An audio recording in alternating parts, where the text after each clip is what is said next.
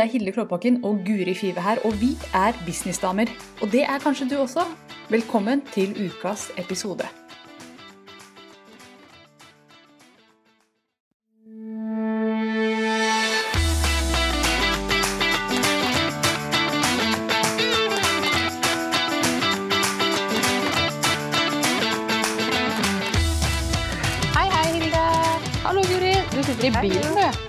Jeg sitter i bilen, så hvis det er rar lyd eller eh, fuglekvitter, for jeg må ha døra åpen, for det er så varmt, så beklager jeg det. Du sitter i dørglotten på bilen og, eh, og podkaster med meg. Det er trivelig. Jeg sitter personlig i stua og ser Ja. på eh, Hvorfor sitter du i bilen? Kan du forklare folk det? Ja, jeg sitter i bilen fordi at uh, håndverkerne begynte å, å bruke et bor som lagde en veldig høy lyd, og hvor enn jeg gikk i huset, så fulgte den der borrelyden etter meg. Ja. Eh, og det er jo ikke veldig podkastvennlig, kan man jo si. Så da tenkte jeg hvor andre steder kan jeg gjøre av meg? Ute i hagen? Ja, men da vil vi høre det. Skal jeg gå en tur? Ja, men da får jeg inn masse støy. Så tenkte jeg ja, men i bilen er det jo helt tett. ja. Så dette er virkelig eh, Jeg er jo så opptatt av at man skal finne og bruke de lukene og være litt kreativ med, med livet og for å få tid til ting. Og dette er jo virkelig en kreativ løsning, føler jeg akkurat nå. ja. Du ser også veldig glam ut der du sitter da, i bilen med Ray-bandsene dine, Ja, ja, ja. må jeg si. Ja. Jeg har på meg shorts. Ja. Ja, Ja, du kjører. ja, for det er sol i Drammen i dag. Det er sol i Drammen i dag, så det er Ja. veldig deilig. Nice. Vi skal snakke om drømmen om passiv inntekt. Vi. Ja, stemmer. Sitter du der nå i bilen og tjener penger, Guri? Akkurat nå? Nå renner det inn millioner as we speak. Gjør det? Nei, det hadde vært drømmen. Hæ? Det hadde vært drømmen. Sitte her og kakle og tjene penger. Nei, jeg må jo innrømme at det ikke er så veldig mye eh, passivt som renner inn.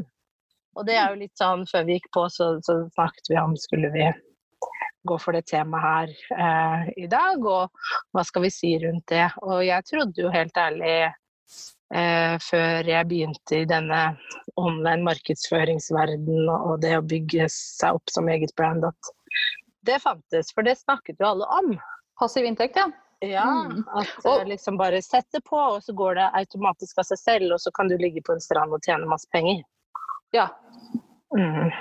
Det er en sannhet med modifikasjoner. Det går an å ligge på strand og tjene penger. Det gjør det. Men det er ikke så lett som en del folk har lyst til at det skal høres ut som. Det var lettere før. Det var det. Når konkurransen var mindre, da gikk det an til en viss grad å ha passiv inntekt. Når det ikke var så sinnssykt mye til salgs der ute. Når markedsplassen var litt mer åpen. Men nå i dag så er jeg redd for at passiv inntekt er en, et morsomt konsept som nesten ikke er mulig å få til, med mindre du har en ekstremt stor liste og et team og masse oppstartskapital. Men uansett da, så tenker jo jeg at uh, hvis du lanserer noe som er på en måte hva man kaller evergreen, altså noe som du kan bruke igjen og igjen, og som, som du liksom ikke trenger å endre på, så må du jo uavhengig av det jobbe ganske aktivt for å promotere det. Mm. Du kan jo ikke bare legge ut noe, så ligger det der, og så bare renner pengene inn. Du må jo lage en plan, en strategi, og pushe det ut. Og det, det krever jo noe av deg. Så det er derfor jeg mener at det er vel, veldig veldig sjelden hvis du da, som du sier, ikke har veldig mange følgere og veldig svær liste og alt det der, at folk bare snubler over eh, kurset eller e-boka di eller hva enn det er. Det, det krever jo noe av deg at du har tenkt igjennom og pusher det ut. Mm. Det gjør det. Du, bare Før vi går videre med uh, diskusjonen om passiv inntekt, så jeg bare lyst til å ta to sekunder og forklare hva det er. hvis man noen Ja. tenker, Hva er noe passiv inntekt? da? Og Passiv inntekt det er jo den inntekten man får eh, Nå begynte jeg litt i feil ende, men la oss si at man lager et kurs, et online-kurs i kakepynting. Mm. Og så legger man det ut på internett, og så står det bare og selger igjen og igjen og igjen. Og igjen, og du Mm. trenger ikke å gjøre noen ting Mm. per salg. Det bare står og selger fordi folk finner det på internett. Eh, Det er passiv hvor du, hvor du rett og slett kan gå og legge deg i hengekøya og bli brun og se at eh, kontoen din vokser og vokser og vokser. Det er Mm. tankegangen rundt passiv inntekt. Og det var faktisk en gang for ikke så veldig lenge siden hvor det var i hvert fall mulig i større grad enn det det er nå. Men eh, markedet har endra seg. Men hvordan, hvordan var det mulig da? Hva Jo. var liksom grunnen til at det var mulig? Jo, fordi at eh, det var mens Facebook-annonser var billig, Ja. mens det var lite Facebook-annonser der ute, mens markedet var helt annerledes. Da gikk det an å lage et kurs, eh, sette opp Facebook-annonser for et par hundrelapper om dagen, og si at det kurset sto og solgte. Ja. Det gikk an. Hvis man var god på hadde en skikkelig strategi for noen år siden. Mm. Fem-seks år siden. Før alle fant ut at Facebook-annonsering var smart, og før alle begynte å lage online-kurs. Uh, dette er ikke mulig lenger. Eller er- jeg skal ikke si at det ikke er mulig, jeg vet ikke alt her i verden. Men um, det er, krever mye mer. Mye, mer. Mm. mye mindre engasjement på Facebook-annonser nå, koster mye mer å ha dem. Eh, dermed så kan man ikke sette opp disse her, eh, oljebrønnene som man kunne sette opp Nei. som bare og pompa opp eh, penger. Men, men det, det er ikke sånn at det ikke er mulig å tjene penger på eh, leveraged models, som de sier på engelsk. Og man skal oversette det til norsk, så blir det sånn gira modeller. Det vil si at du gjør det en gang og selger igjen. Det er fortsatt mulig å gjøre det, men det krever mye mer markedsføring. For du må jo, mark som du sier, må jo markedsføre tingen. Sant? Mm. Har laget en ting. Her er 100 livesendinger om tingen. Masse Mm. annonser om tingen. Så, så kan tingen selge. Mm, Det krever mm. mer. Ja. Ja, for det er jo nettopp det at jeg tror kanskje folk har blitt litt mer skeptiske også, ikke sant. For det er jo så mye som pushes ut, og man ser så mye reklame nå på Facebook og andre steder, at man kanskje mm, Det krever mer av deg som brand at du må bygge relasjoner da, for, før du kan få solgt. At kanskje folk må, må stole litt mer på det, ha litt mer tillit. Eh, kanskje de har gjort noen bomkjøp før som gjør at man ikke tør, da. Å Ja. kjøpe bare direkte. Jeg merker i hvert fall det, da, men nå er jo jeg en junkie på å kjøpe kurs. og det som er. Men jeg liker eh, Jeg sjekker personene mye mer nøye nå enn kanskje hva jeg gjorde før. Fordi at jeg kjenner igjen salgstriksene, jeg kjenner igjen markedsføringa. Og jeg vet at ikke alle er det de utgir seg for å være. Eh, og det handler jo om at man har gått på noen eh, bommerter og blemmer tidligere. Mm. Jeg tror at markedet er mye mer utdanna nå, mye mer eh, Litt skeptiske, absolutt. Men så, nå er det jo også sånn at markedet er mer eh, vant til å kjøpe kurs. Noe Ja, som er taler til, vår, til våre kurs altså Når det skal selge, så er det en fordel. Men Mm. fordi de kanskje har kjøpt kurs som ikke har gjort jobben sin, fordi de har kjøpt kurs altså, For min del så ser jeg at det er ikke alltid jeg får brukt alle disse kursene, så har en, det har blitt vanskeligere å selge til meg. Det har det. Ja. Og det tror jeg er Ja. gjengs i markedet. Jeg tror at uh, flere og flere blir kanskje litt mer og mer skeptiske til det å kjøpe kurs, eller eh, ting som eh, ja, e-bøker eller hva enn det er. Fordi, og da spesielt hvis man er en sånn type så, som meg som kjøper en del kurs, så blir man jo det fordi at jeg rekker jo ikke engang å ta de kursene jeg har kjøpt, før jeg hopper liksom til noe nytt. Um, og jeg har jo allerede to kurs som jeg har kjøpt nå i, eh, i vår. uh, som er kjempefine kurs, og det er ikke noe gærent med de, men det er jo en investering.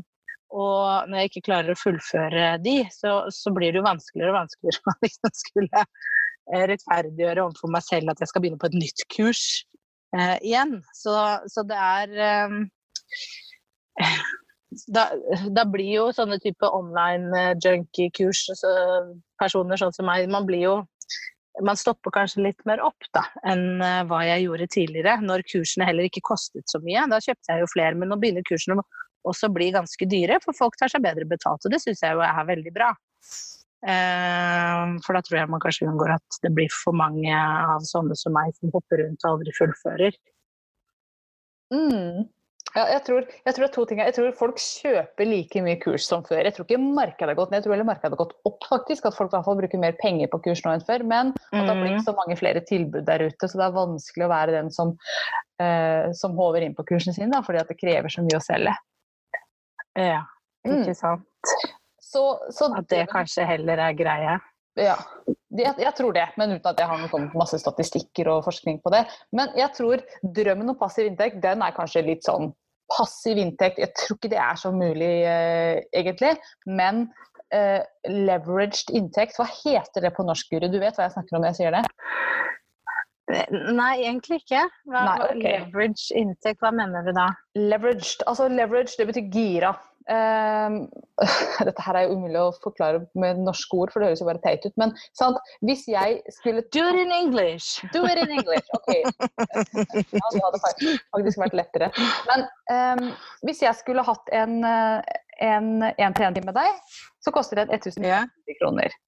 Så vi, vi sitter og snakker sammen en time. 1500 kroner inn, i, inn på min bankkonto.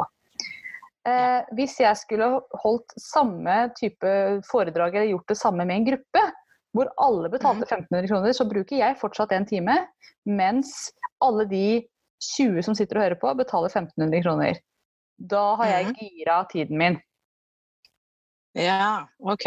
Så eh, Du tar Ja, ikke sant? Du, Tiden du, tiden din er den samme, men du, du tjener mer fordi du får flere inn mm, på den samme tiden. Ja. Mm. Og du mener at det er det som er det man gjør mer av nå, eller? Det er den metoden som er mer mulig enn den helt passive, tenker jeg. Oh, ja, sånn ja. Så jeg, så jeg tenker Mhm. at det er fullt mulig å få til å kjøre gruppeprogrammer, kjøre øh, sånne type ja, programmer, kurs, masterminds osv. på den måten, heller enn å drømme om den helt passive måten å gjøre det på.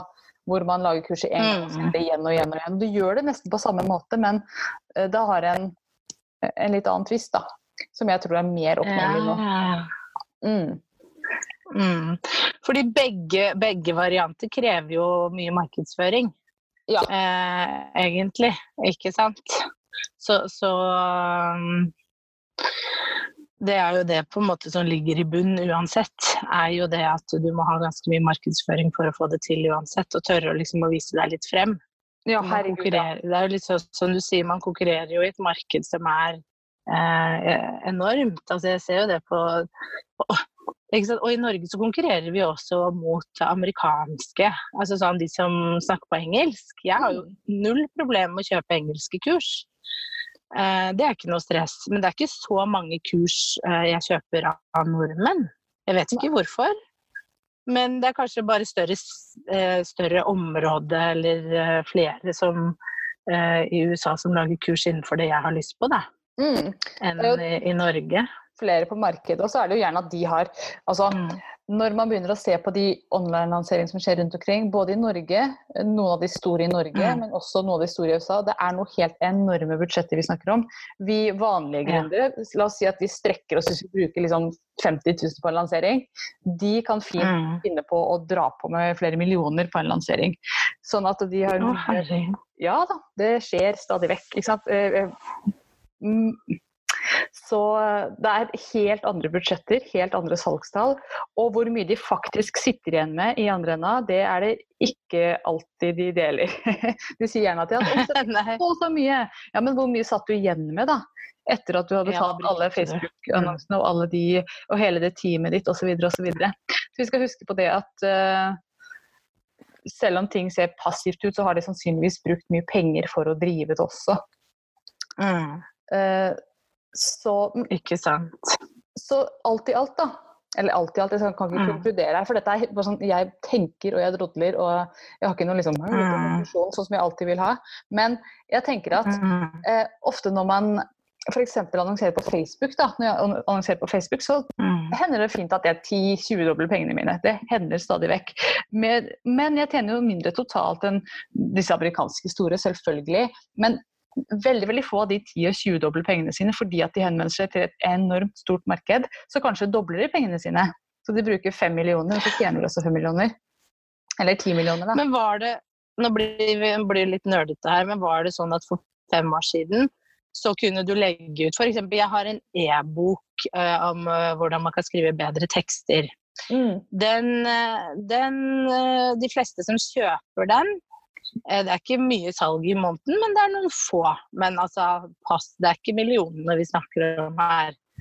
Eh, men de fleste som kommer til den, de går liksom eh, en, en, eh, De går ikke direkte til den, fordi den har jeg ikke Facebook-annonse på, men de går liksom omveiene om et gratis skrivekurs jeg har. Ja. Eh, eller de har blitt kjent med meg på andre måter. Men var det sånn at for fem år siden så kunne jeg ha lagt en annonse bare rett på den e-boken, og så hadde den solgt, tror du? Ja, og det kan du gjøre nå også. Men eh, altså, det kommer an på hvor god e-boken er, og hvor god, eh, godt temaet ditt er, hvor nysgjerrig folk er, og hvor god annonsen din Mm. er. Men vet du hva, jeg kjøpte et produkt, det var et lite produkt, men jeg kjøpte faktisk et produkt for noen dager siden som kosta 300 kroner, direkte fra en Facebook-annonse som leda meg rett til salgssida for det produktet. Det er lenge siden jeg har sett, og lenge siden jeg har gjort, men jeg tenkte at vet du hva, dette her har jeg lyst på, så jeg klikka kjøp. Ja. Det er lenge siden jeg har sett. Så nå skal Guri hjem og teste. Ja. ja, det kan du fint gjøre. Um, og vet du hva, hun dama som solgte meg det produktet, hun går sannsynligvis i null på det produktet. Uh, nå ble det plutselig passiv inntekt eh, er mulig likevel her, da. Så ja. Men er ikke det bra? Jo mer vi snakker om det, for du og jeg var jo veldig negative i begynnelsen. ja. Når vi begynte med det. Vi var litt sånn ja, men det er faktisk ikke mulig lenger. Men ja så så diskuterer at vi det, så kommer man på at ok, nei, men vi har jo gjort noen kjøp, eller det har jo vært noen muligheter her ja. eh, som har muliggjort det. Yes. Skal vi la den henge til neste gang? Ja. ja. Takk for nå. Selv takk.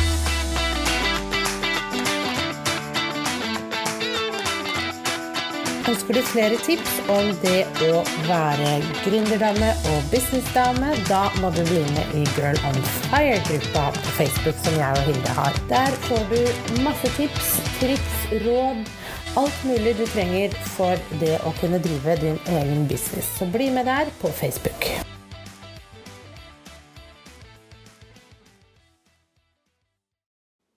Nå har du hørt ukas episode med Businessdamer, og hvis du vil at en av oss skal hjelpe deg med å få mer suksess i din business, så kan du sjekke ut businessdamer.no samarbeid. Takk for nå, vi ses neste uke.